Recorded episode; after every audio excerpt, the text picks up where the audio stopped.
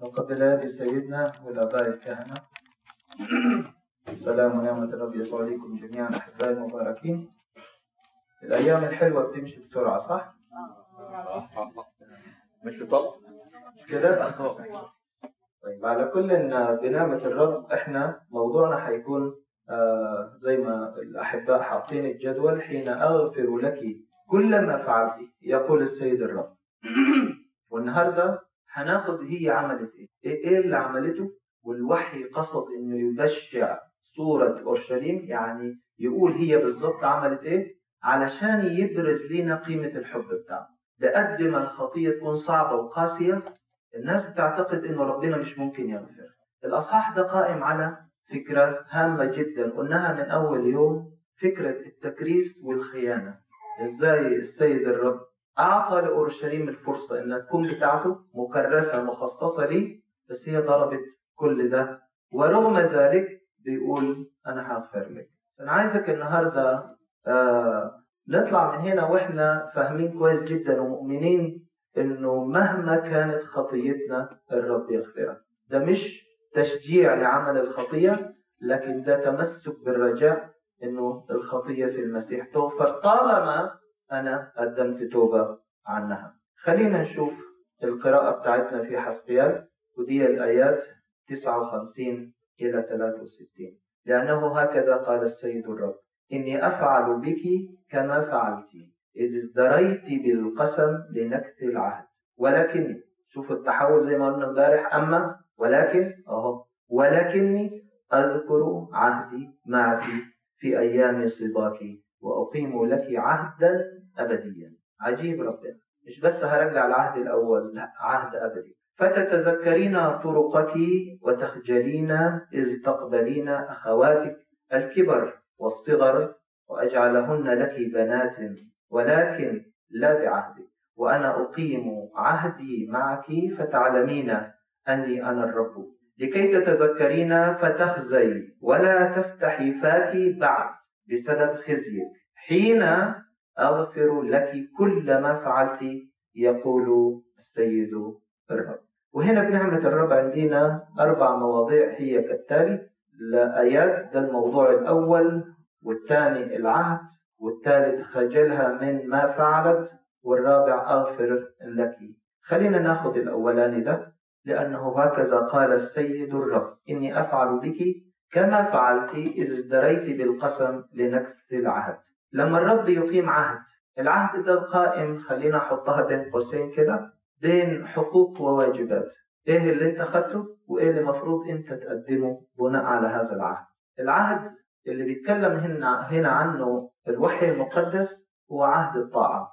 عهد طاعة الوصية. عهد إنه زي ما قلنا امبارح العروس صماء لكل الأصوات إلا صوت السيد. يعني تبقى مش سامعة أي صوت تاني. ليه؟ لأنها مكرسة لوحده النهاردة خليني أحط ده على الواقع بتاعنا. تخيلوا عروس وعريس متجوزين. هل العريس يقبل إنه العروس تعطي ودنها لكل شخص وتسمع وتتأثر وتتبسط ويتطور الأمر إلى أن تأخذ هذا الشخص بديلا عن العريس؟ ده اللي عملته أورشليم. وده اللي حب الوحي يظهره.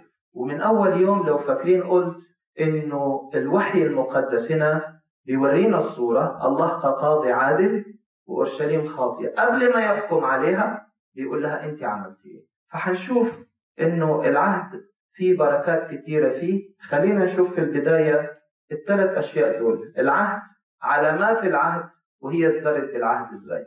إيه العهد اللي عمله ربنا؟ ده اللي إحنا خدناه اليومين اللي فاتوا. فمررت بك ورأيتك وإذا زمنك زمن الحب. بعد إيه؟ بعد ما كانت مرمية. سرتها مش مقطوعة لسه متوصلة بالأم الحسية ما فيش حد أشفق عليها لم تغسل لم تملح يعني ما يعني ما عرفتش مفهوم التكريس. وأنا حابب أرسخ الفكرة دي قبل ما ينتهي المؤتمر فكرة التكريس. كرس حياتك لربنا.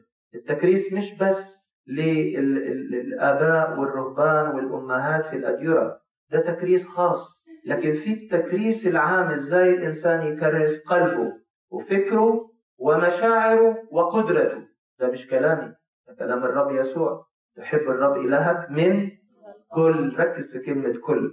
قوة الوصية ليس في مجرد الحب لا الحب من كل القلب من كل الفكر من كل النفس ومن كل القدرة. النفس المشاعر والعواطف. ده التكريس. فهنا بعد كل الإزدراء اللي حصل بيها وما فيش حد عبرها وزي ما قرينا من الترجمة امبارح كانت محتقرة وبالنص قرينا في ترجمة قرفان منها. الناس قرفانين منها فترمت. هنا بيجي السيد بيقول لها أنا مررت بك ورأيتك ده الزمن المناسب لنضوجك وإذا زمنك زمن الحب. عمل إيه بقى السيد؟ بيقول كده. فبسطت ذيلي عليك وسترت عورتك وحلفت لك ودخلت معك في عهد يقول السيد الرب فصرت لي. يعني إيه بسطت ذيلي عليك؟ العادة الشرقية القديمة إنه في حفل العرس. لبستم. إحنا لابسينه بقى. هو طرح ذيله علينا طرح شخصه المبارك علينا مش مجرد غطاء لا هو الغطاء بتاعنا. ومن هنا بتبرز قيمة قداستنا. قداستنا في المسيح إنه الآب السماوي لما بيشوف ولاده بيشوف ابنه.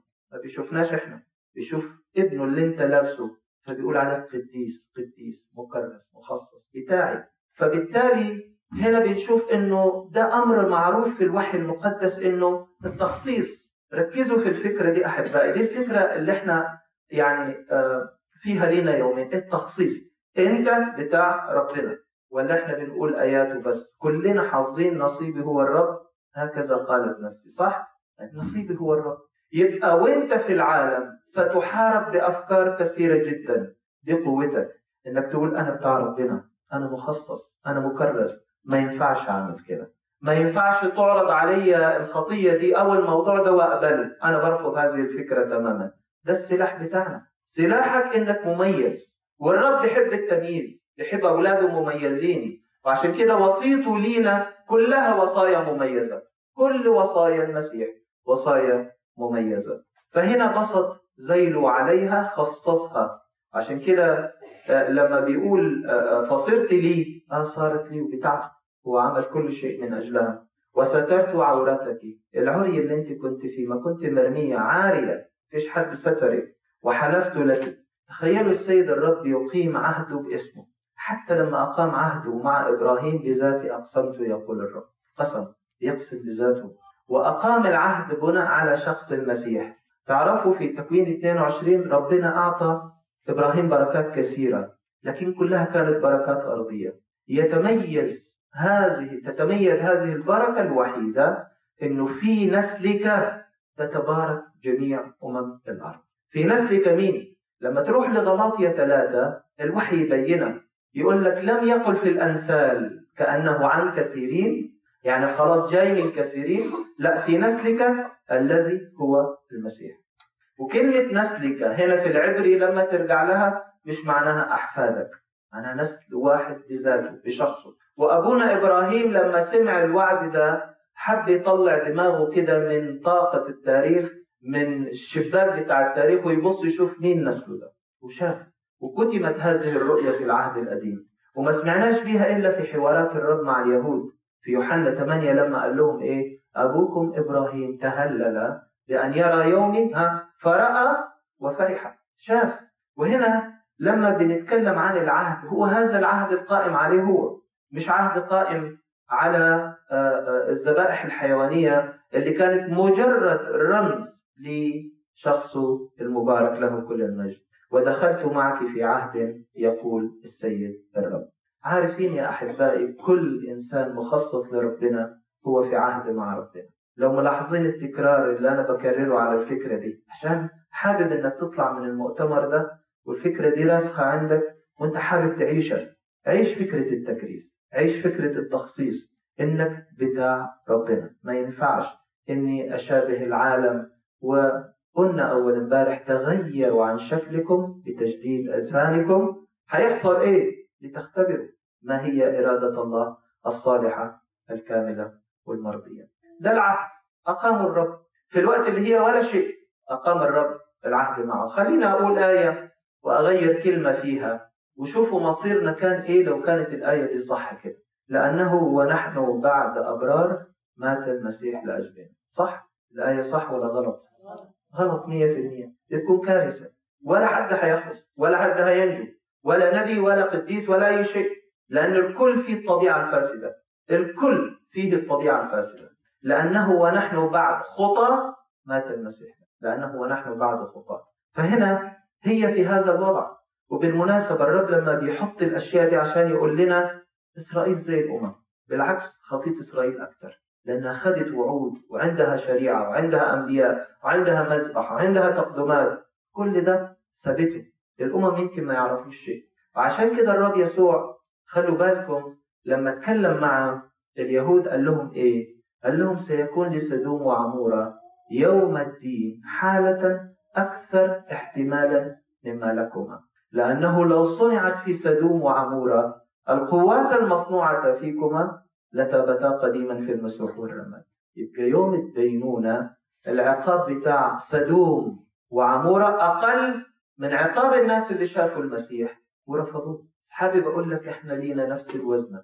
إحنا خدنا المسيح وخدنا النور جوانا وعندنا اليقين. اللي قاله الرب يسوع لتوما طوبى للذين آمنوا ولم يروا. فخلينا نقدر قيمة العهد اللي إحنا فيه. طيب إيه علامات العهد؟ إحنا خدنا العهد. علامات العهد. إيه هي علامات العهد؟ فصرت لي. شايفين بتاعتي؟ ركز على كلمة فصرت لي. لما عمل كده بسط زي لها زي له عليها انت بتاعتي. قدام كل الناس انت بتاعتي. وقدام كل الشعوب كان معروف إسرائيل شعب الله شعب الله في العهد القديم. طيب نروح لعلامات العهد. معلش إحنا النهارده هنقرا شوية كتير من آآ آآ 16 لأنه عايزين ندخل لجزئية مهمة وهي الامه الحسية. اللي إحنا اتكلمنا عنها لأنها ما زال آثارها موجودة فينا إحنا حتى كمسيحيين. فهنا علامات العهد إيه؟ إيه إيه العلامات اللي أداها ربنا ليها ظاهرة؟ إنه دي علامات العهد. هو المهر اللي هو قدمه. بيقول لها فحممتك بالماء. طبعا إحنا اتكلمنا عن الماء ورمزه للمعمودية والروح القدس. غسلت عنك دمائك اللي قال لها امبارح بدماك عيشي لحد ما انقيك مسحتك بالزيت ميرون الروح القدس. ألبستك مطرزة أحلى الثياب. أنا لبستها لك المطرزه بالمناسبة خيمة الاجتماع كلها معمولة تطريز. لو ترجعوا لسفر الخروج 25 دي كل دي كمالات المسيح اللي بيسكبها علينا إحنا من خلال الروح القدس. ونعلتك بالتخس التخس اللي هو كلب البحر اللي هو بيتاخد الجلد بتاعه القوي. بالمناسبة الغطاء الرابع في خيمة الاجتماع كان فيها أربع أغطية. الأول الكتان الثاني الإسمنجوني والحرير والثالث غطاء الكباش اللي هي الذبائح. والرابع غطاء التخس لونه أسود من برا الخيمة سوداء. لما تدخل جوا تشوف الكاروبين على الحجاب وذهب من كل ناحية. فهنا واضح جدا إنه السيد الرب بيقول كل الحاجات الحلوة اللي هو عملها للعروس بتاعته. ألبستك مطرزة ألبستك مطرزة ونعلتك بالتخس وأزرتك بالكت... أزرتك بالكتان الكتان اللي هو النسيج الأبيض النقي اللي هو بيقول عنه في سفر الرؤيا تبررات القديسين. كسوتك بزا اللي هو أنواع أروع أنواع الحرير الرائع. وحليتك بالحلي الشبكة العريس بيقدم الشبكة. هنا كانت الشبكة إيه؟ فوضعت أسورة في يدك وطوقا في عنقك. ووضعت خزامة في أنفك وأقراطا في أذنيك وتاج جمال على رأسك. واحد عريس بيتقدم لعروس. يعني الرب بيكلمنا باللغة بتاعتنا بيكلمنا بالثقافة بتاعتنا اللي إحنا بنفهمها. إزاي لما حد يخطب واحدة هو بيقدم الشبكة بتاعتها شكلها إزاي؟ بيقول لها فتحليت بالذهب والفضة ولباسك الكتان والبز والمطرز وأكلت السميز أنواع أروع أجود أنواع القمح اللي هو مطحون طحن جيد والعسل والزيت. كل هذه بركات كانت لإسرائيل الأرضية وجملت جدا جدا فصلحت لمملكة. بالمناسبة هو هنا بيسرد التاريخ ده من أيام إبراهيم وأنت ماشي كده. إزاي كل الصعاب اللي اتكلمنا عنها امبارح الاضطهاد من إسماعيل لإسحاق اضطهاد عيسو ليعقوب اضطهاد فرعون لشعب الله. كل ده اتكلمنا عنه امبارح. ده الطريق. ده ترتيب. دي اسمها فترة التكوين اللي كان بيكون فيها هذه الأمة. وهنا بيقول لها فصالحت لمملكة ده في عصر آه، بداية عصر شاول. طبعا وبعد كده قمة قمة تاريخ إسرائيل بالمناسبة. داود وسليمان. بعد كده بينزل الانحدار الروحي والأخلاقي في شعب إسرائيل. دي القمة هنا. داود وسليمان طبعا قيمة داود أعلى بكثير جدا من سليمان. وخرج لك اسم في الأمم لجمالك. بص كل الحاجات الحلوة دي أنا مخلي آية في الآخر عشان عايزك تتمتع بيها. في واحد بيقرأ الكتاب واحد بيفهم الكتاب واحد بيتلذذ بالكتاب. عايزك تتلذذ بالكتاب المقدس. كل ده بيقول لها إيه؟ لأنه كان كاملا ببهائي الذي جعلته عليك. الكلام الحلو ده إزاي؟ يقول السيد الرب. بهائي الرب يخلع بهاءه علينا. هيبته تلاقي كده شخص في صورة المسيح في هيبة لهيبة ربنا اللي حطها على الشخص ده. وده البركة العظيمة جدا إنه ربنا بيخلع هيبته على كنيسته على شعبه على أولاده. تلاقوا إنسان بسيط جدا لكن هيبة ربنا عليه قوي في كل شيء. فهنا ده الوحي المقدس بيقول لها دي علامات العهد. يبقى العهد شفناه وشفنا علامات العهد تعالوا نشوف الإزدراء بالعهد. وزي ما قلت لكم إحنا هنقرأ من حسقيال 16 عشان لما تروحوا البيت تحاولوا تجتروا الخدمة بتاعت الأيام الثلاثة تقروا حسقيال 16 حيكون له مذاق آخر بعد الخدمات اللي قدموها الآباء. شوف هنا علامات العهد إحنا خدناها تعال نشوف الإزدراء بالعهد. أول شيء بيقول لها فاتكلت على جمالك. اتكلت على الحاجات اللي هي الشكلية اللي برا. كم مرة اتكلنا على قدراتنا؟ كم مرة اتكلنا على معرفتنا وخبرتنا؟ تعرفوا التلاميذ لما كانوا في البحر وربنا كان سايبهم عشر ساعات؟ فاكرين المرة دي؟ من ساعة ما أشبع الجموع وأمرهم أنه يجتازوا إلى العبر الآخر. وبيقول الكتاب المقدس فرآهم معذبين في الجزف في التجديف لأن الريح كانت ضدهم طيب أنت شايفهم معذبين. سايبهم من الغروب لحد الهزيع الرابع من الليل. في آخر الهزيع الرابع لو حسبتها على أقل تقدير عشر ساعات. على أقل تقدير. والتلاميذ بيحاربوا عشان يطلعوا وينجوا بحياتهم. والرب شايفهم وسايبهم. ليه؟ دول أرباب البحر. الرب مستني إن هم يعلنوا إفلاسهم في مجال تخصصهم. ده مجال تخصص. كتير أحيانا بنعتمد على على تخصصنا. على جمالنا على إمكانياتنا. فالرب ساب التلاميذ. ولا واحد فيهم صرخ قال يا رب. ولا واحد. أمر محزن إنك تقرأ القصة في مرقس ستة. ولا واحد صرخ وقال يا رب. كلهم لأنه دول بتخصصهم كلهم بيحاولوا يطلعوا السفينة. وسابهم ربنا. عارفين لو بعد ساعتين كان حيقول بطرس ليوحنا بالمناسبة كنا هنعرف نطلع السفينة. كنا هنرفع الشراع نعمل كده ونجدف كنا هنطلع. سابهم. إلى أن أعلنوا إفلاسهم في مجال تخصصهم خليني أهمس في ودنك وأقول لك بلاش تعتمد على قدراتك. ناس كتير اعتمدت على قدراتها وفشلت. هل أنا أتنكر لقدراتي ومواهبي؟ لا ده مش المقصود. لكن المقصود إنها لا تكون هي المعتمد بتاعي. هي الأساس اللي أنا بتحرك بيه. ما تعملش. اعتمادنا الأول والأخير على ربنا وكل المواهب اللي اداها لك ربنا كل قدراتك حطها في الدائرة دي. الدائرة دي اسمها المسيح. حط كل حاجة جواها هترتاح وهيباركك جدا. طبعا أنا مش هقف عند كل كلمة بس لو في حاجة مش واضحة وزنيتي على اسمك. بالمناسبة الأصحاح ده ده مبني على فكرة الزنا الروحي. كل الأصحاح كله من أوله لآخره.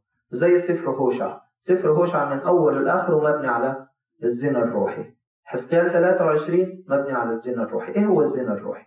بنفهم الزنا الفعلي إنه إنسان يخطئ مع شخص آخر. ده اسمه زنا فعلي. النوع الثاني اللي هو زنا المشاعر والفكر والقلب اللي قاله الرب يسوع كل من نظر لامرأة ليشتهيها فقد زنى بها إيه؟ في قلبه. تحول الفكر للمشاعر.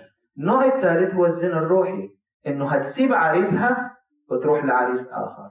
تسيب الإله ويعمل وثن أصنام فحسبوا زنا روحيا لأنهم سابوا ربنا. وبالمناسبة الكنيسة المسيحية لحد النهاردة بتعترف بهذا الزنا الروحي يعني لو واحد ساب المسيح ومشي وأنكر المسيح وساب بيته ومراته وأولاده خلاص انفصل. بيحصل بيحصل خلاص يعطى الطرف الآخر الحق في إنه يرتبط بشخص آخر لأنه ده إيه؟ زنا زنا روحي تاركا السيد الرب. فهنا بيقول لها أنت اعتمدت على جمالك واسمك اللي طلع وبقى زنيت على اسمك وسكبت زناك على كل عابر فكان له. كل عابر في الطريق. كل واحد عنده إله جايبه أنت عبدت هذا الإله. وأخذت من ثيابك اللي أنا لك المطرزة وصنعت لنفسك مرتفعات. كانوا كانوا الآلهة بيحطوهم على التلال على المرتفعات على الأماكن العالية. يحطوا الإله ويشوفوا شجرة فيها ظل كده ويحطوا الصنم ويعبدوا عشان كده جاء سيرة الشجر في كتير من مواقع في الكتاب المقدس. موشاة يعني بتلبسوا الأصنام أحلى الثياب وزنيت عليها يعني عبدتها عبدت هذه الأصنام. أمر لم يأتي عليك ولم يكن. ده الرب مرة بيعاتبهم وبيقول له في أمة بدلت إلهها تخيلوا ولا أمة وثنية بدلت إلهها إسرائيل بدل إلهه. ربنا مستغرب من هذا الشعب. ما فيش أمة بدلت إلهها لكن إسرائيل بدل إلهه. عايز أقول لك كده بيني وبينك إنه ممكن يكون في أوثان في حياتنا. أوعى تفتكر الوثن هو إن أنا فعلا أجيب وثن وأحطه. الوثن ده في حياتي ممكن يكون التليفون اللي في إيدي ممكن يكون التلفزيون ممكن يكون آه شخص معين في حياتي أنا مرتبط به بعلاقة غير مقدسة ممكن خطية محببة. وثن معناها أنا مرتبط بيه ارتباط كبير جدا مش عارف أنفصل عنه. بسيب ممكن ربنا وبروح للحاجات دي ده وثن بشكل أو بآخر هو نوع من الوثن اللي أنا روحيا ممكن يحسب إنه الزنا روحي لأنك ابتعدت عن السيد الرب. واخذت أمتعة زينتك اللي أنا قدمتها لك الشبكه من ذهب من ذهبي. شوف بينسبه لنفسه. ومن فضتي التي أعطيتك وصنعت لنفسك صورة ذكور وزنيت بها اللي هو الأصنام. متذكرين لما شعب إسرائيل أول ما طلع من مصر خد الذهب من الناس وعمل إيه؟ العجل. وبكل يعني احتقار يقول لإسرائيل هذه هي آلهتك التي أخرجتك من أرض مصر. معقول؟ والعجل ده ده إله المصريين. ما عرفش يدافع عن المصريين. ما هو ده لو إله حقيقي. افهم كان دافع عن المصريين. ما عرفش يدافع عن المصريين جاي أنت تنصبه إله وتقول ده الإله اللي أخرجك من أرض مصر. قد إيه؟ في إنكار لربنا إنكار الجميل. صنعت لنفسك صورة ذكور وزنيت بها وأخذت ثيابك المطرزة وغطيتيها بها. غطيت الأصنام لبستهم ثيابي ووضعت أمامها زيتي وبخوري وخبزي الذي أعطيتك السميز. عارفين في العهد القديم كانوا بيعملوا كعك. مذكورة بالنص. يخبزوا يعملوا كعك يقدموه للآلهة. الخبز اللي أنا بديهولك أهمس ودنك أقول لك البركة اللي أنا اديتها لك بتستخدمها في إيه؟ بتشتري بيها إيه؟ البركة اللي اداها لك ربنا قدسها لربنا. قدسها للخير في بيتك في أولادك في حياتك في الناس اللي هي ممكن تحس إنها ممكن تباركها ناس محتاجة. مهم جدا إنه نقدس ما أعطانا الرب. مش بس بنقدس مشاعرنا فقط. رائحة سرور كنت مسرورة وانت بتعملي كده. وهكذا كان. يقول السيد الرب أخذت بنيك شوف الخطورة اللي وصل لها إسرائيل. بيقول لها أخذت بنيك وبناتك الذين ولدتهم لي دول ولادي. عملت بيهم إيه؟ وذبحتهم لها طعاما. تعرفين شعب إسرائيل سقط في تقديم ذبائح بشرية للآلهة لأنه ده كان سائد في أرض كنعان. كانوا بيقدموا أطفالهم ذبائح بشرية. إسرائيل للأسف سقط في هذه الخطية البشعة. طيب برضو خلينا أقول لك حط ولادك كل يوم في الصلاة. ما تنساش حط أولادك كل يوم في الصلاة. ليل ونهار مهما كانت الصورة اللي أنت شايفها صعبة أو هم لسه مش فاهمين أو بعدوا من ربنا ما تخافش حطهم في الصلاة. كل يوم اذكرهم قدام ربنا. لأن دول في الحقيقة أولاد ربنا. هو بيقول كده. ولادي اخدتيهم وقدمتيهم للأصنام ذبحتيهم. أولادنا النهاردة أحبائي بيعانوا لأنه برا التيارات عنيفة وقوية جدا. فلو في واحد من ولادنا شرد الدنيا ما انتهتش. آه بنتألم بنزعل. لكن فين ربنا؟ حط ربنا قدامك وما تخافش صلي. لأنه البذرة الحلوة محطوطة فيه. مش بقول لك إنه آه يعني آه آه نام وارتاح وما تعملش حاجة. لا بقول لك صلي وحط ابنك حط بنتك. والناس اللي لسه أولادهم أطفال صغيرين ما تقولوش لما يكبروا نعلمهم. لا من دلوقتي إن هو بيبي صغير لسه ما بيعرفش يتكلم بس بيخزن. واللي هتخزنه فيه هو اللي هيطلع يتكلم بيه بعد فخزنوا في أولادكم وما تقولوش ما بيفهموا. بيفهموا كل حاجة. ما تستنوش عليهم لما يكبروا. أهو قليل من زناك أنك ذبحت بنية وجعلتهم يجوزون في النار لا؟ قدمتهم ذبائح.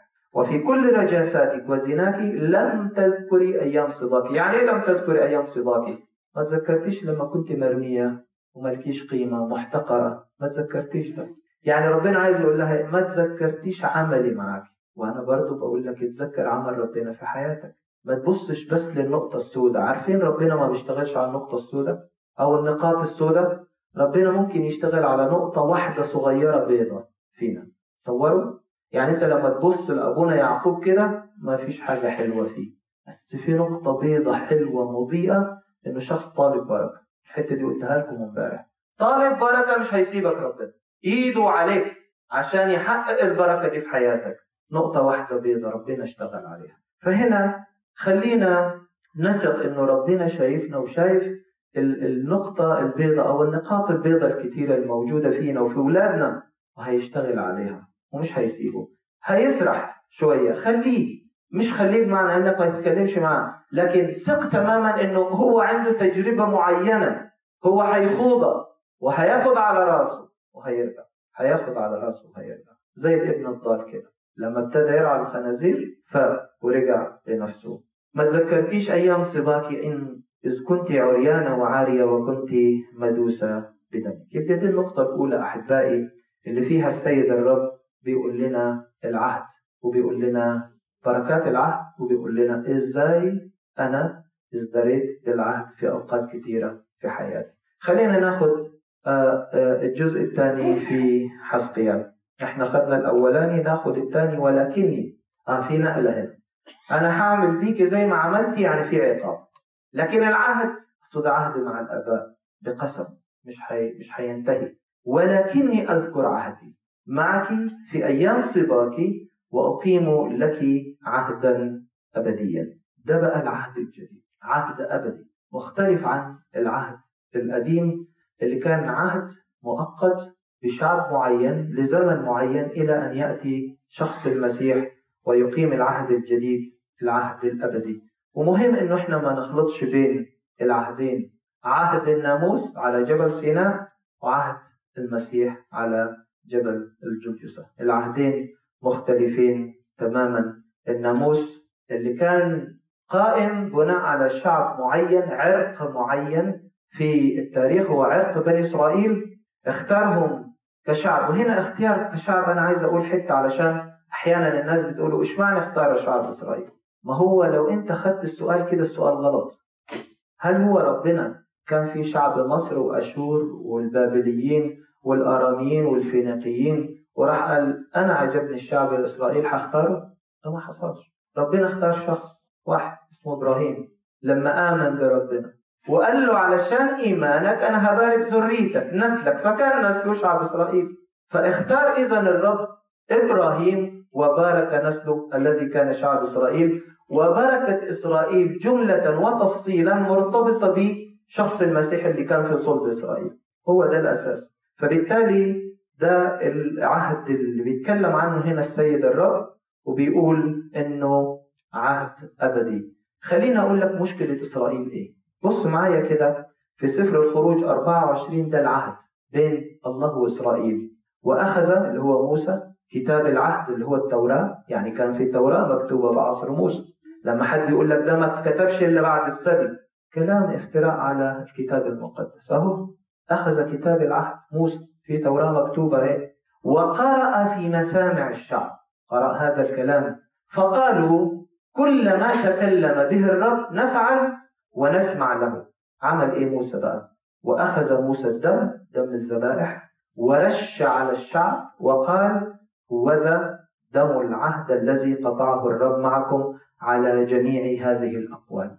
مشكلة إسرائيل هنا إيه؟ بص كده معايا في اللون الأحمر فقالوا كل ما تكلم به الرب كل نفعل ونسمع له. ولا فعلوا ولا سمعوا. بالعكس يعني 180 درجة عن هذا العهد. فهنا الالتزام بتاع هذه العروس اللي خطبها السيد الرب وبيتكلم عنها في حسقيال 16 لم تكن عروس على الإطلاق ملتزمة وفشل إسرائيل. عارفين إسرائيل ربنا حطه عشان يكون آه، نور لكل الأمم. بالنص كده قال له إنه يخرج النور لكل الأمم وفشل. وجاء المسيح له كل المجد من صلب إسرائيل وكان هو النور لكل الأمم. يبقى إذا العهد الجديد مختلف في إيه؟ أن إسرائيل ليس طرفا منفردا في هذا العهد. مش هو بس الشعب اللي بيتجاي له المسيح لا المسيح أتى من إسرائيل ولكن لكل العالم فهو شفاء للخطية الجدية اللي هي قاسم مشترك لكل الناس. فهنا فساد الإنسان وشره هو المجال اللي بتظهر فيه محبة ربنا. شايفين أورشليم؟ شايفين الفساد بتاعها؟ ظهرت محبة ربنا. لو كانت كويسة وربنا قال لها أنا بحبك ماشي مقبول ما هي كويسة. لا ربنا بيقول لها بص كل اللي أنت عملتيه أنا أقيم معك عهد جديد عهد أبدي من خلال من خلال قسم الله لإبراهيم في نسله تتبارك جميع أمم الأرض. وده الكلام اللي اتقال لإبراهيم في تكوين 17 قال له فقال الله بل سارة امرأتك امرأتك تلد لك ابنا وتدعو اسمه إسحاق وأقيم عهدي معه عهدا أبديا لنسله من بعده. عهد أبدي. في مين؟ كان المسيح في صلب إسحاق وكان المسيح في صلب يعقوب وكان المسيح في صلب يهوذا وهكذا كان المسيح في صلب الآباء إلى أن ولد من أم النور الطوبوية العذراء مريم. فهنا بنشوف إنه ده العهد الأبدي. ليس عهد قائم على دم الذبائح الحيوانية ولكن اسمع الكلام كويس. عهدا أقامه السيد بنفسه وجاء ليحقق وهو يهوى المتجسد.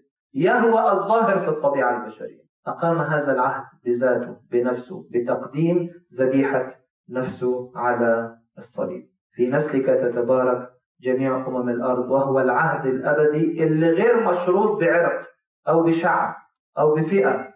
هو عهد لكل البشرية. سمعنا امبارح آه، من سيدنا الأنبا أبراهام لما قال هكذا أحب الله العالم حتى بذل. وسمعنا التعبير الجميل إنه الحب والبذل وارتباطه مع بعض. فما حبش الرب شعب معين. لا ده حب كل العالم.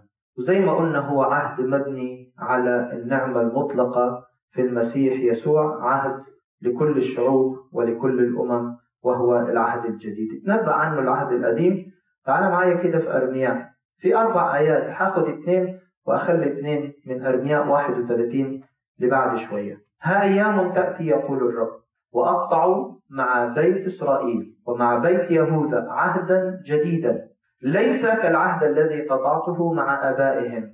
يوم أمسكتهم بيدهم لأخرجهم من أرض مصر حين نقضوا عهدي فرفضتهم يقول الرب. شايفين بالاسم عهد جديد. عهد جديد غير العهد ده. بس مش عهد قائم على الذبائح الحيوانية. يوم ما أنا خدتهم وطلعتهم من أرض مصر وحنشوف بعد شوية الآيتين التانيين. خلينا نروح لحسقيال ونشوف النقطة الثالثة وهي فتتذكرين طرقك وتخجلين إذ تقبلين إخواتك الكبر والصغر وأجعلهن لك بنات ولكن لا بعهدك. هنشوف يعني لا بعهدك. وأنا أقيم عهدي معك فتعلمين أني أنا الرب. فتتذكرين طرقك وتخجلين. تخيل أنك أنت واحد عمال يسيء لك كل يوم كل يوم كل يوم كل يوم. وإهانات كبيرة وإهانات بالغة. وأنت جيت مرة واحدة كده قلت له بص ربنا يباركك. أنا مسامحك على كل الأخطاء دي. حيخجل ربنا هنا بياخد مشاعرنا وبيحكي بيها عن أورشليم بيقول لها لما حامل معاكي بالعهد الجديد ده وتبص كده للخلف وتشوفي كل الخطايا بتاعتك وتشوفي عمل الله معاكي العهد ده هتخجلي إنك تركت الرب يوما لأجل الأصنام. عشان كده خلوا بالكم أنت تستغرب لما تشوف رجوع إسرائيل من السبي والحرفية اللي هم فيها. حرفيه صعبة جدا لأنهم اتأدبوا بالسبي. ولما رجعوا بقوا حرفيين أسوأ.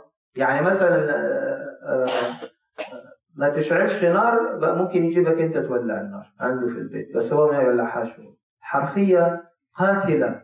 وهنا لما بنشوف الرب بيقول لا تخجلين خجلوا من أعمال الخطية وعبادة الأصنام. وعلشان كده كانوا ليهم تأثير كبير على ناس ثانية وعقائد أخرى موجودة في المنطقة من هذه الحرفية. وهذا التشدد. يعني إيه؟ مش بعهدك ولكن ليس بعهدك. يعني مش زي العهد الأول اللي أنا قطعته معك. مش العهد بتاعك مش العهد القديم.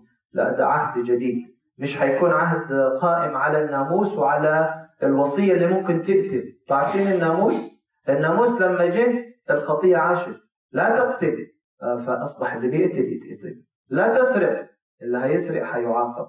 وهكذا. فبنشوف هنا إنه العهد مش زي عهدك مرتبط عنده شروط ختان وعنده ذبائح حيوانية بل بدم المسيح الذي يغفر كل خطية. وفي المسيح سيقبل الكل. ده العهد الجديد عهد النعمة اللي فيه كل الأمم بياخذوا المسيح في بركة إيمان أبونا إبراهيم. فمراحمي ستشمل الكل. إخواتك الكبر والصغر هنا بيتكلم عن السامرة وعن سدوم. تخيلوا الرب قال كلام صعب في حسبيال 16 عايزكم تنتبهوا ليه. خلينا نقرأ مع بعض. قال لها إيه؟ عن إخواتها الكبر والصغر. الكبار والصغار. بيقول لها واختك الكبرى الكبيرة السامرة هي وبناتها الساكنة عن شمالك لأنه يفترض أنها بتبص للشرق فشمالها السامرة وعن يمينها الجنوب تكون سدوم. فبيقول لها الساكنة عن شمالك وأختك الصغرى الساكنة عن يمينك هي سدوم وبناتها اللي حواليها ولا في طريقهن سلكت. في خطاياهم أنت كنت أبشع. ولا مثل رجاستهن فعلت.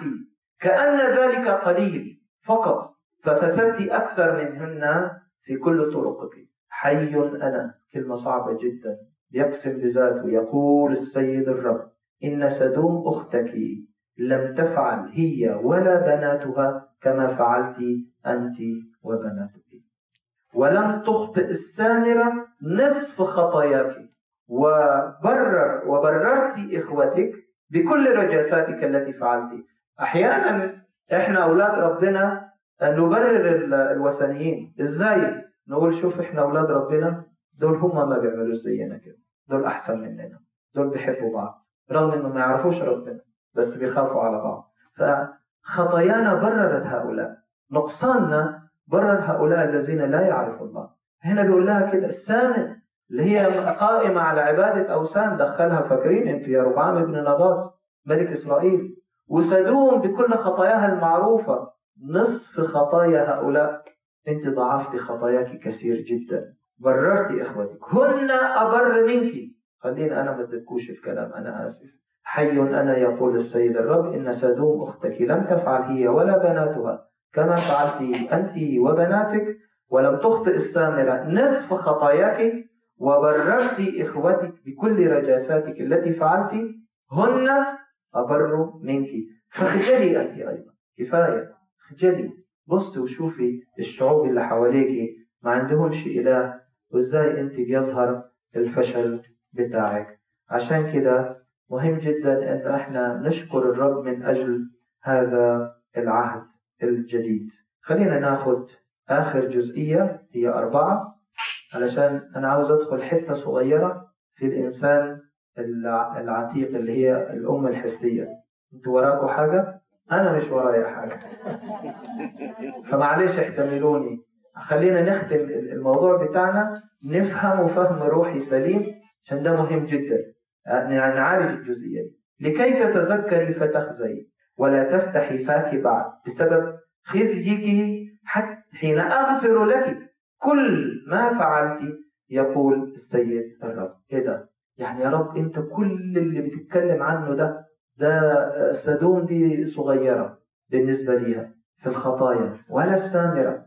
ده أورشليم عملت أسوأ من الكل وبكل بساطة بتيجي تقول لها حين أغفر كل خلي بالك. أنا عايزك تركز في الوحي المقدس بيحط كلمات مهمة أهم من الباقيين. ما قالهاش أغفر لك خطاياك كل ما فعل كل.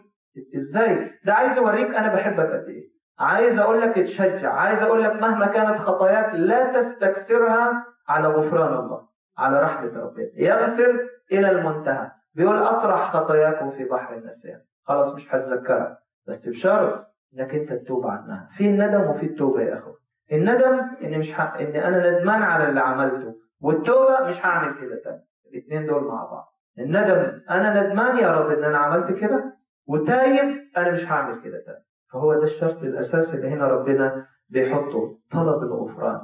قادر ربنا معترف بخطاياي والكنيسة موجودة نشكر الرب أعترف بخطاياي وأتقدم في النعمة. خلينا ناخد الآيتين. ده كان طبعا الرابع الباقيين هنا بيقول إيه؟ بل هذا هو العهد الذي أقطعه مع بيت إسرائيل بعد تلك الأيام. يقول الرب أجعل شريعتي في داخلهم وأكتبها على قلوبهم وأكون لهم إلها وهم يكونون لي شعبا ولا يعلمون بعد. كل واحد صاحبه وكل واحد أخاه قائلين اعرفوا الرب لأنهم كلهم سيعرفونني من صغيرهم إلى كبيرهم. يقول الرب اسمع الكلام الحلو بقى في العهد الجديد لأني أصفح عن إثمهم ولا أذكر خطيتهم بعد. مين فينا ما بتتحركش مشاعره لما بنسمع كلام الرب يسوع للمرأة الخاطئة؟ لا مغفورة لك خطايا. الله كلمة حلوة. أنا حابب يا رب أسمع. بتسمعها موجودة. في الكنيسة موجودة. في سر الاعتراف موجودة. بنسمعها في الوحي المقدس. موجودة. ربنا بيغفر لنا خطايانا وهو حابب كده. هو بيحب يغفر الخطية ربنا. فهنا العهد الجديد شفناه. شكله إزاي في حسقيال 16 حين أغفر لك؟ وتعال هنا شوفوا في أرميا. بيتكلم عن نفس العهد الجديد. بيقول لهم لأني أصبح عن إثمهم والإثم غير الخطيه الاسم هو أبشع ما صدر ضد الله ليس فقط ضد الإنسان. عشان كده تلاقي في العهد القديم ذبيحة خطية وذبيحة اسم. ذبيحة اسم شيء يعني صعب جدا. ولا أذكر خطيتهم بعد حتى مش هفتكرها ده عهد الغفران الأبدي القائم على دم المسيح له كل المجد. عايز أعزيك بكلمة حلوة عن أورشليم. بعد كل الوحاشة دي عارفين آخر آية؟ آخر آية في حسقيال إيه؟ مش بس اصحاح في السفر كله.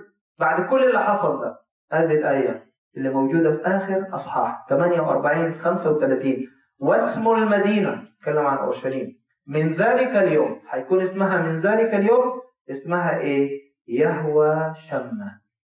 ده كلمة عبرية يعني الله هناك موجود. تعادل بصورة أو بأخرى عمانوئيل الله معنا. يهوى شمة. الله دي دي المدينة الوحشة. دي المدينة اللي أنت بكيت عليها. دي المدينة اللي أنت يا أورشليم يا أورشليم يا قاتلة الأنبياء دي المدينة اللي حصل التآمر فيها عليك. مدينة اللي طلع منها القرار لتعلق على الصليب. كل ده أغفره كل ده أسامحه. كل ده أشوفه وأنساه وأغطيه بدمي. أول ما يغطي المسيح بدمه الخطية ما عادش ليها وجود. عشان كده اسمها كفارة. كفارة جاية من كبر يغطي غطى الخطية. وبنشوف إنه لما يعقوب طلع آه من آه الخيمة بتاعته تكلمنا عنها امبارح واتفتحت له السماء قال إيه؟ ما هذا إلا باب السماء هذا بيت الله يهوى شمة الله موجود هنا الله موجود في المكان. خليني أقول لك كده ما تيجوا ناخد يهوى شمة الله هنا بقى في القلب وهو صاحب هذا القلب. صدقوني. عارفين؟ لما ربنا خلق الخليقة بيقول الوحي فاستراح الله. هو مش مش تعب عشان يرتاح. أصل هو خلق بالكلمة كن كن كن مفيش تعب. لكن ارتاح لأن اليوم السابع تميز بالكمال. واللي كسر راحة الله في خليقته الخطية كسرت الراحة. عايز أقول لك ربنا عاوز يرتاح فينا. عاوز يرتاح جوانا. يهوى شمة ربنا موجود هنا. اللي بيقرر للأسف يعني إنه يرتاح أم لا أنا. العروس هي اللي بتقرر. ربنا هيرتاح إمتى وإزاي الراحة الفعلية بالتكريس انت بتاعه؟ أول ما تاخد القرار ده وتعيشه ربنا هيرتاح فيك. ولو ارتاح فيك هتفيض على الآخرين. لو ارتاح فيك ربنا وجد الراحة بتاعته يدخل معي وأتعشى معه وهو معي. مش بيقول كده؟ عشاء إيه يعني؟ هتعشى معه يعني شركة. يعني في شركة بينه وبين ربنا أصبحت في الداخل في القلب. هذه الشركة تفيض على الآخرين. فالنهاردة لو ملاحظين صوت ربنا من خلال حسقيال 16 بيقول كده التكريس التكريس التكريس التكريس التكريس. ملاحظين كده؟ خلاص خد القرار ده. النهارده لو انت مجروح من شخص آذاك سامح. ودي مرارة انت حابسها جواك. ممكن نكون اتجرحنا من بعض الناس حتى ناس أقرباء لينا ومش عارفين نسامحهم مش عارفين نغفر ليهم. ما بقولكش ارجع واعمل علاقات معاهم. بس إياك يكون في تعب وضغينة وألم وحقد جواك لأنه هنا بتكون في ضلمه ربنا مش هيرتاح والنهاردة ربنا بيخبط على قلبك كده يقول لك افتح فرغ كل ده. سامحه اغفر له. قول له يا رب من أجلك أنا هسامح. طب أنا مش قادر تصلي قول له يا رب نفسي أسامح. بس مش عارف. مش عارف اعملها إزاي يا رب. نفسي أغفر لفلان اللي جرحني لفلانة اللي جرحتني بس مش عارف أعملها إزاي. اركعي وصلي. حطي الموضوع قدام ربنا. عشان تطلعي التعب اللي جواكي المرارة اللي بتدوقيها في كل مرة تتذكري الشخص أو في كل مرة تشوف الشخص قدامك. ليه بتألم نفسك؟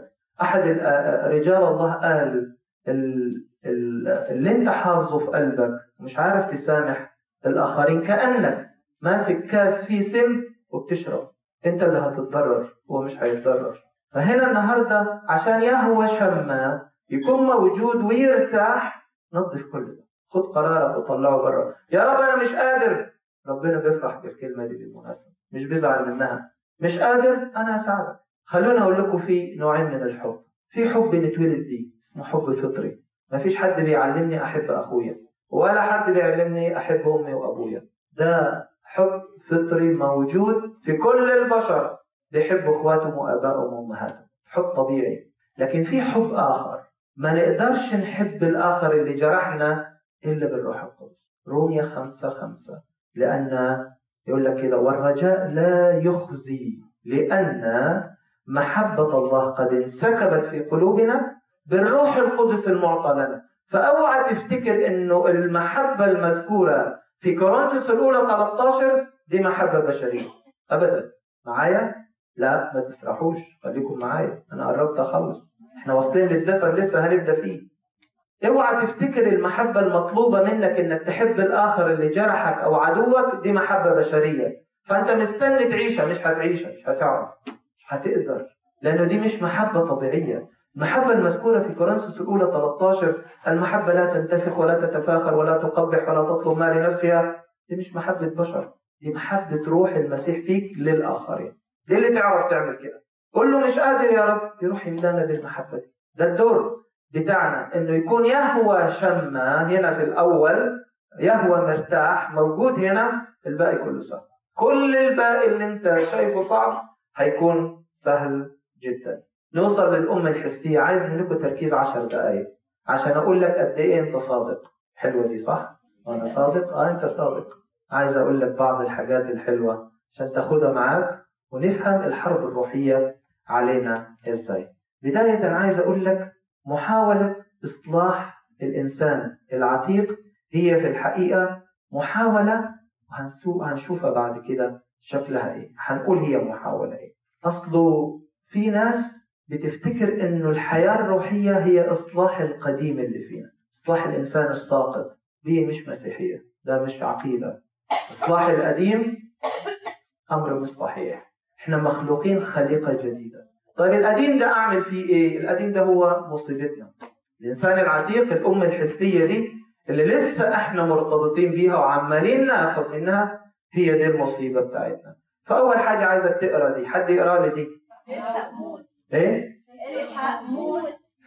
مش عارف أنتوا جايبين الأخ وحيد يقول لنا موتوا ولا إيه؟ الحق موت. بس هنا ما تخافش يقول لك الحق موت موت معين. هنفهمه بعد شوية. لأنه في عبارتين هحطهم هنا. بس افتكر لي العبارة الأولى. الحق موت. بص أنا عايز أقول لك أنت صادق قد إيه. شوف معايا كده الوحي المقدس. مثلا رومية ستة. بيقول أم تجهلون أننا كل من اعتمد ليسوع المسيح اعتمدنا لموته؟ عايز أقول لك حقيقة إيمانية بص كده أنا حطيتها قدامكم عشان تقروها ليس أن المسيح فقط مات من أجل خطايانا. ده اللي إحنا بنلعب عليه. ده اللي إحنا بنطمن بيه نفسنا. المسيح مات من أجل خطايانا. بس الحقيقة المفروض هي إيه؟ إنه بل أننا نحن أيضا قد متنا عن الخطيئة بموته. ده المعنى الحقيقي للمعمودية. كل من اعتمد ليسوع المسيح اعتمد لموته. البعض مننا بيشتاق لحياة القداسة. لكن بيبحث عنها في سكة غلط. وبيفتكر إنه هو بالصوم والصلاة ينعش الإنسان العتيق. الصوم والصلاة لحياة الإنسان الجديد مش عشان نحيي القديم اللي فينا. عايز أقول لك حتة تانية. نكمل هنا. اعتمدنا ليسوع المسيح اعتمدنا بموته. فإيه؟ فدفنا معه في المعمودية كلام بسيط واضح جدا.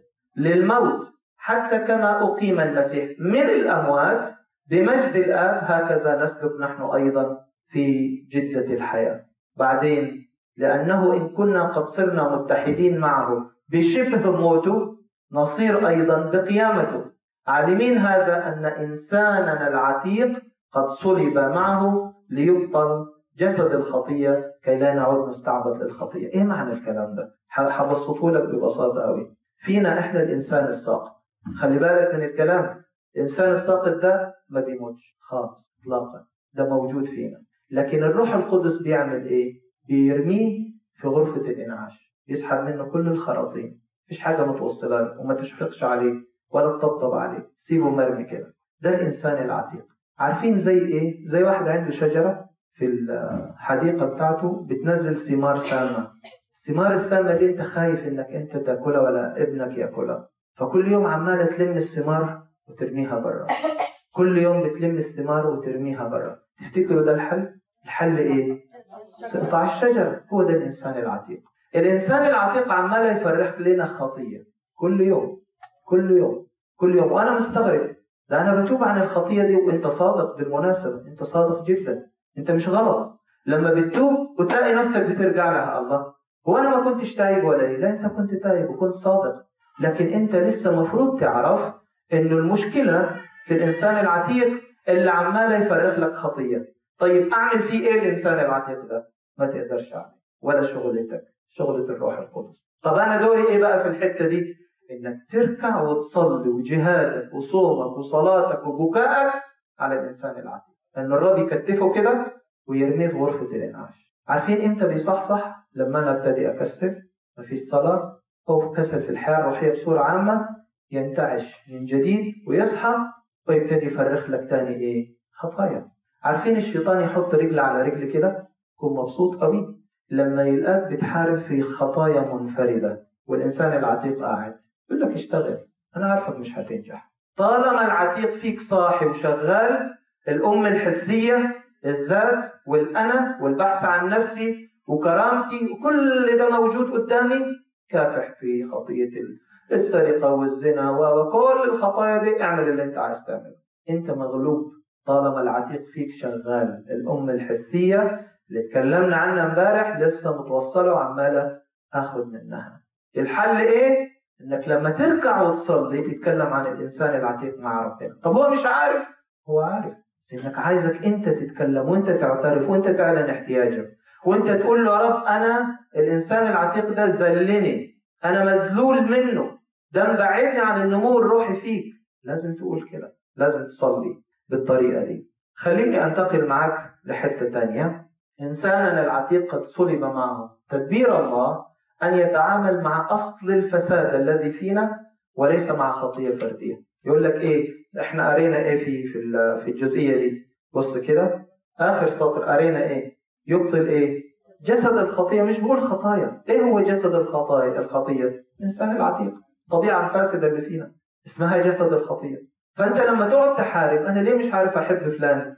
أصل هو جرحني. طب ما يجرحك. إيه المشكلة؟ ما سيدك اتجرح. وسيدك اتعلق على الصليب. إيه المشكلة إنك أنت تتجرح؟ وهو على الصليب مش قال يا يا أبتاه اغفر لهم؟ مش عارفين إحنا نغفر ونسامح؟ فبالتالي بتلاقي إنه في دايما في إشكالية. هحط الكلمة الثانية عشان الوقت وندي فرصة للأسئلة. بيتعامل مع أصل الفساد. طيب الإنسان العتيق الإنسان يعتمد ليسوع المسيح بمعنى أنه يتحد بالمسيح في موته وقيامته. يعني أنت إحنا المفروض نموت. طب هنموت ونقوم إزاي؟ فالرب عمل المعمودية. تموت تدفن تشاركوا في الموت. تقوم من المعمودية تشاركوا في القيامة. فأنت إنسان جديد. أنت إنسان جديد. خلاص. مت عن الخطية في موت المسيح.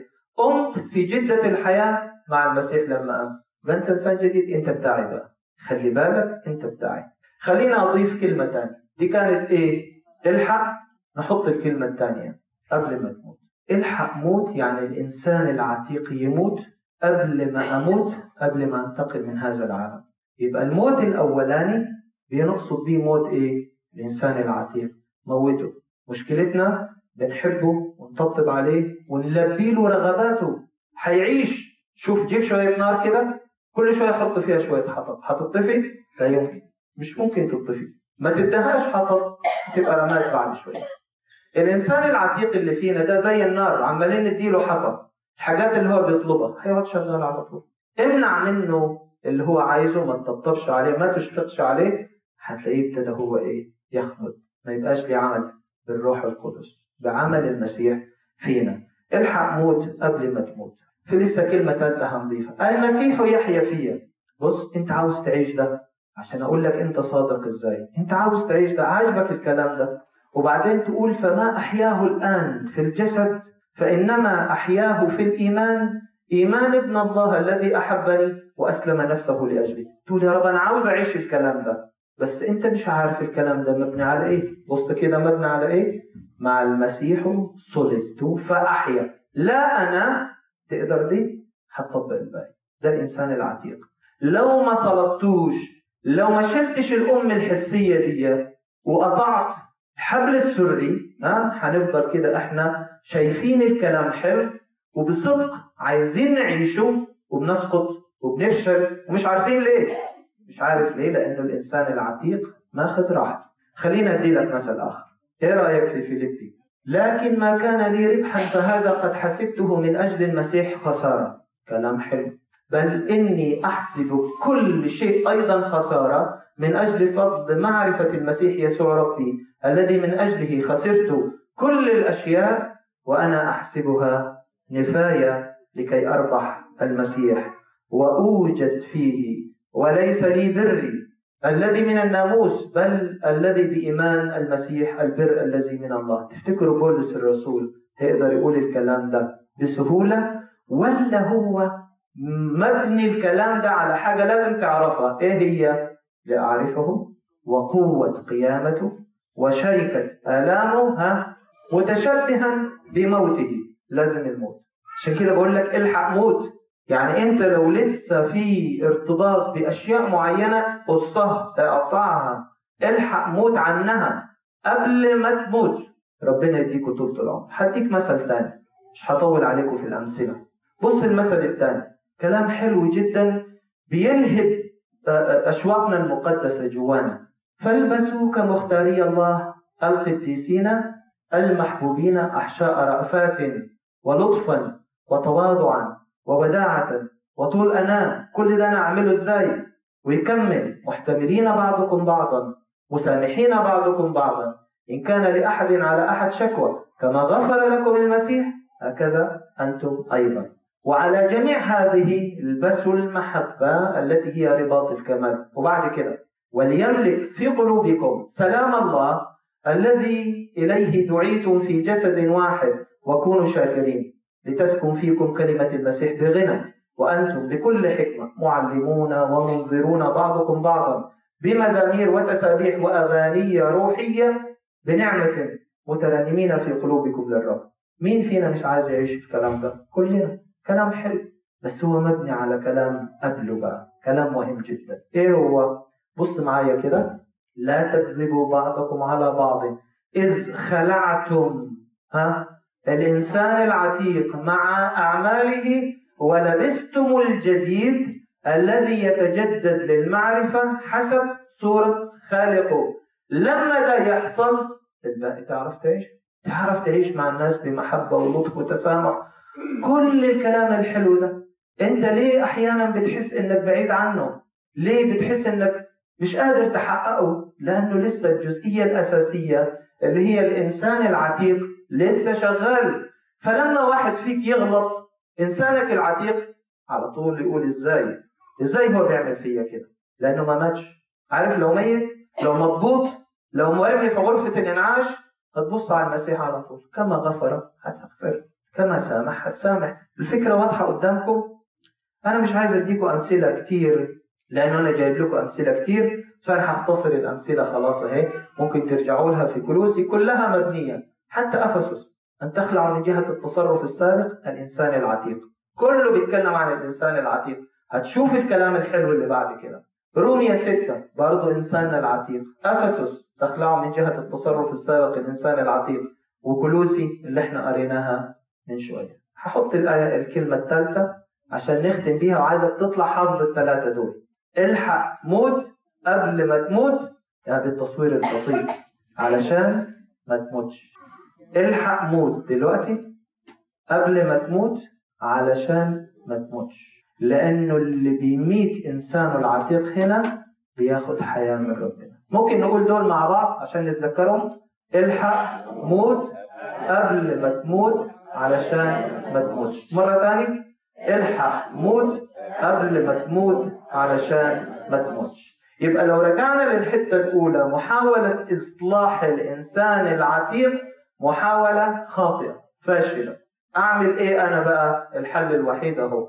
ده شايفين الإيه؟ مين المطلوب هنا؟ مكتوب عليه إيه؟ الإنسان العتيق. الحل الوحيد لقطع الأم الحسية والأب الأموري إنك تميت الإنسان العتيق. صلبت مع المسيح فأحيا. لا أنا بل المسيح يحيا فيا. هتلاقي نفسك إنك أنت عارف تعيش الحياة الروحية صح وتتمتع بيها صح. ليه؟ لأنك عرفت السر. السر مش إنك تحارب. خطية خطية خطية. السر إنك توصل للإنسان العتيق. ده إزاي أتعامل معاه؟ تطلب الروح القدس. صوم من أجل الأمر ده. أنا آسف طولت عليكم. الرب يبارك حياتكم وصلوا من أجل